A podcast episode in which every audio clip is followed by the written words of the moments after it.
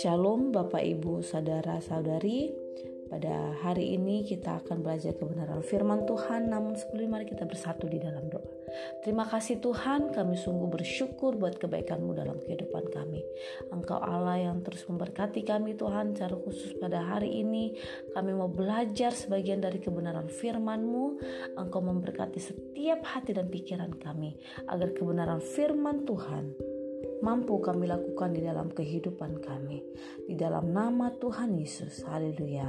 Amin. Bapak Ibu saudara-saudari yang terkasih di mana pun kita berada pada hari ini kita masuk ke dalam seri firman Tuhan yaitu di dalam kitab Obaja. Nah kitab Obaja ini Bapak Ibu terdiri dari satu pasal dan pada hari ini kita akan belajar dari Kitab ini Bapak Ibu yaitu mengenai penglihatan obaja yang langsung kita tahu di dalam ayat yang pertama firman Tuhan berkata penglihatan obaja beginilah firman Tuhan Allah tentang Edom. Suatu kabar telah kami dengar dari Tuhan. Seorang utusan telah disuruh ke tengah bangsa-bangsa. Bangunlah marilah kita bangkit memeranginya. Nah Bapak Ibu kita langsung tahu bahwa di dalam pasal satu ayat yang pertama dikatakan bahwa Obaja adalah nabi untuk Yehuda yang bernubuat tentang hukuman Allah tentang Edom, Bapak Ibu.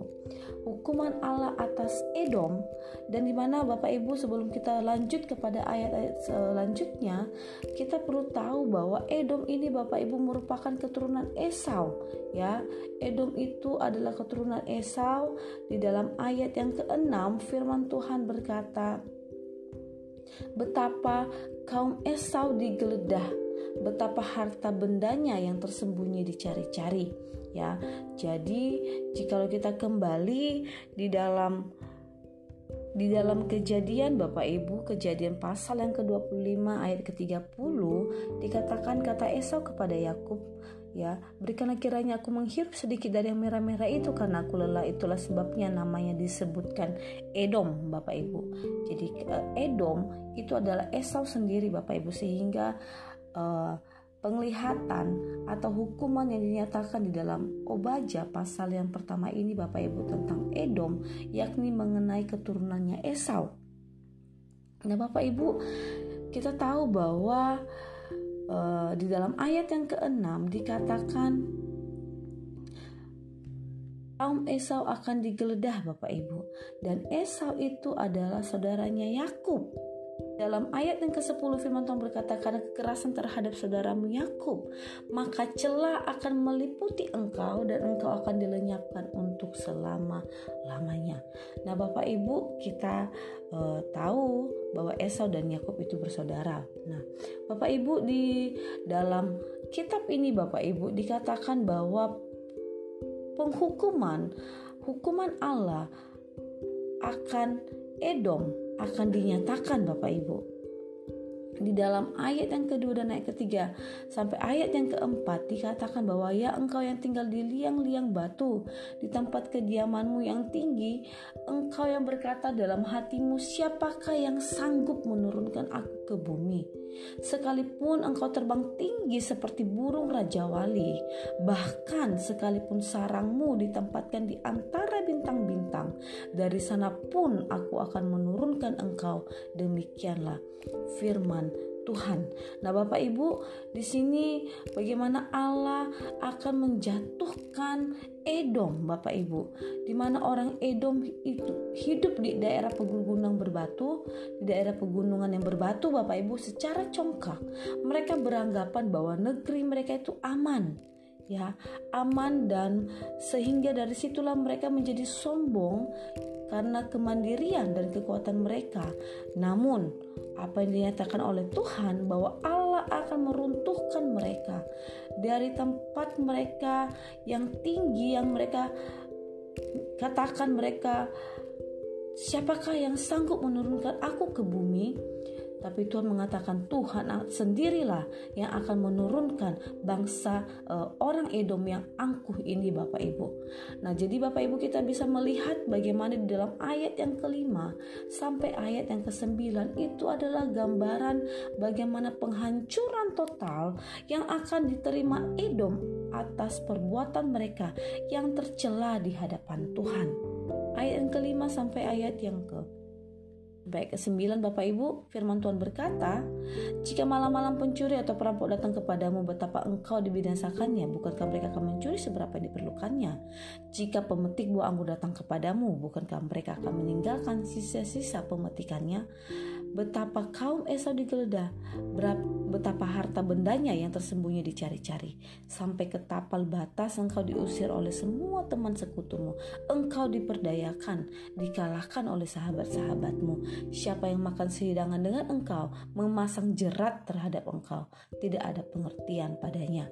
Bukankah pada waktu itu, demikianlah firman Tuhan, aku akan melenyapkan orang-orang bijaksana dari Edom dan pengertian dari pegunungan Esau. Juga para pahlawanmu hai teman akan tertegun supaya semua orang di pegunungan Esau lenyap terbunuh. Nah, Bapak Ibu, itu merupakan gambaran bagaimana penghukuman Allah akan dinyatakan bagi Edom. Nah, Bapak Ibu, jika di dalam ayat yang keempat dikatakan bagaimana keangkuhan Edom ketiga dan ayat yang keempat mengatakan Bapak Ibu menggambarkan bagaimana keangkuhan orang Edom Bapak Ibu sehingga mereka tidak lagi memerlukan Tuhan. Sikap mereka bukanlah sikap yang takut akan Tuhan sehingga Allah ingin meruntuhkan mereka menurunkan mereka dari tempat kesombongan mereka yang mereka banggakan Bapak Ibu. Dan hal yang kedua yang disoroti dari sini Bapak Ibu yaitu bagaimana kekejaman Edom yaitu yang kedua adalah sikap mereka Bapak Ibu terhadap Yehuda di dalam ayat ayat yang ke-10 sampai ayat yang ke-14 di mana mereka bersuka cita, mereka bergembira atas penderitaan yang dialami oleh saudara-saudara mereka keturunan Yehuda yaitu orang Israel sendiri Bapak Ibu. Firman Tuhan berkata di dalam ayat yang ke-10 sampai ayat ke-14, karena kekerasan terhadap saudaramu Yakub maka celah akan meliputi engkau dan engkau akan dilenyapkan untuk selama-lamanya. Nah, Bapak Ibu lihat bagaimana sikap orang Edom ini Bapak Ibu melihat penderitaan yang dialami oleh saudara-saudara mereka. Bagaimana sikap mereka pada waktu orang sedang mengalami kesusahan. Firman Tuhan dinyatak, menyatakan bahwa dalam ayat yang ke-11, pada waktu engkau berdiri di kejauhan, sedang orang-orang luar mengangkut kekayaan Yerusalem dan orang-orang asing memasuki pintu gerbangnya dan membuang undi atasnya engkau pun seperti salah seorang dari mereka itu. Ya. Di ayat ke-12 dikatakan janganlah memandang, rendah saudaramu. Janganlah memandang rendah saudaramu pada hari kemalangannya. Dan janganlah bersuka cita atas keturunan Yehuda pada hari kebinasaannya. Janganlah membual pada hari kesusahannya Ayat yang ke-13 dikatakan, Janganlah masuk ke pintu gerbang umatku pada hari sialnya, bahkan janganlah memandang ringan malapetaka yang menimpanya pada hari sialnya, dan janganlah merenggut kekayaannya pada hari sialnya. Janganlah berdiri di persimpangan untuk melenyapkan orang-orang yang luput, dan janganlah serahkan orang-orang yang terlepas pada hari kesusahannya. Nah, Bapak Ibu bisa melihat bahwa ada sikap-sikap yang tercela yang dilakukan oleh orang Edom terhadap orang Israel keturunan Yehuda Bapak Ibu. Bagaimana Bapak Ibu ketika bangsa-bangsa lain menghancurkan orang-orang Israel. Tetapi apa yang dilakukan oleh orang Edom, mereka berdiri dari kejauhan, Bapak Ibu hanya memandang. Nah, dan tidak hanya memandang Bapak Ibu, tetapi lihat keangkuhan mereka, sikap mereka yang tidak takut akan Tuhan. Justru itu juga Bapak Ibu menampakkan dari kelakuan mereka melihat sesama mereka. Justru mereka berbangga, mereka senang dan memandang rendah atas segala yang menimpa orang Israel, Bapak Ibu. Nah, mereka memandang rendah, mereka bersuka cita, mereka membual, bahkan mereka juga menjarah ya menjarah suatu uh, ke bangsa yang sedang mengalami uh, malapetaka, sedang mengalami kesusahan, Bapak Ibu. Oleh karena itu Allah mencela sikap orang Edom. Oleh karena itu Bapak Ibu, mereka menerima sesuai dengan perbuatan mereka. Ya di dalam ayat yang ke-15 dikatakan oleh firman Tuhan itu prinsip hukum tabur tuai Bapak Ibu dikatakan bahwa dalam ayat yang ke-15 sebab telah dekat hari Tuhan menimpa segala bangsa. Seperti yang engkau lakukan demikianlah akan dilakukan kepadamu.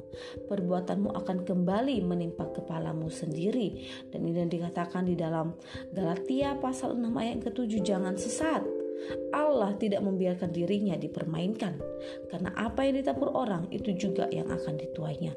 Nah Bapak Ibu saudara-saudari yang terkasih di mana pun engkau berada Bapak Ibu bagi setiap kita sebagai orang percaya bagi setiap kita Bapak Ibu tidak memandang apakah kita uh, tidak memandang usia, baik anak-anak Bapak Ibu, anak-anak sekolah minggu maupun juga orang tua Bapak Ibu, anak-anak muda. Mari kita memiliki sikap yang benar di hadapan Tuhan. Apa yang engkau tabur pada hari ini, engkau juga sendiri yang akan menuainya Bapak Ibu. Seperti yang dilakukan oleh orang Edom ya mereka di mana mereka menabur keangkuhan mereka menabur kesombongan mereka di hadapan Tuhan. Allah mencela kesombongan. Allah benci dengan kesombongan Bapak Ibu. Sehingga apa yang membuat kita menjadi sombong pada hari ini mari Bapak Ibu kita meminta ampun di hadapan Tuhan. Segala sesuatu yang kita anggap kenyamanan yang kita anggap kenyamanan sehingga kita tidak memerlukan Tuhan. Kita menganggap rendah orang lain. Yang kita patut kita mengatakan ini menjadi kebanggaan, tetapi seharusnya Bapak Ibu, kita yang kita lihat yang menjadi kebanggaan kita adalah hidup kita yang benar di hadapan Tuhan. Allah sendiri yang menjadi kebanggaan di dalam kehidupan kita. Kita seharusnya tidak menjadi orang Kristen yang sombong. Kita seharusnya tidak menjadi anak-anak Tuhan yang memandang rendah orang lain, yang senang atas penderitaan orang lain. Hal-hal itu Bapak Ibu adalah hal-hal yang tercela di hadapan Tuhan. Biar kiranya Bapak Ibu, kita sebagai orang-orang percaya, kita sebagai anak-anak Tuhan, kita sedang mendengarkan tentang firman Tuhan. Mari kita hidup sesuai dengan apa yang berkenan di hadapan Tuhan. Kesombongan kita jauhkan dari diri kita. Sikap kita yang tidak peduli dari orang lain itu kita jauhkan. Kita menjadi orang yang lebih peduli terhadap sesama kita. Merasakan apa yang orang lain merasakan. Terutama waktu mereka dalam keadaan susah. Kita sebagai orang-orang percaya, kita tidak memandang rendah mereka.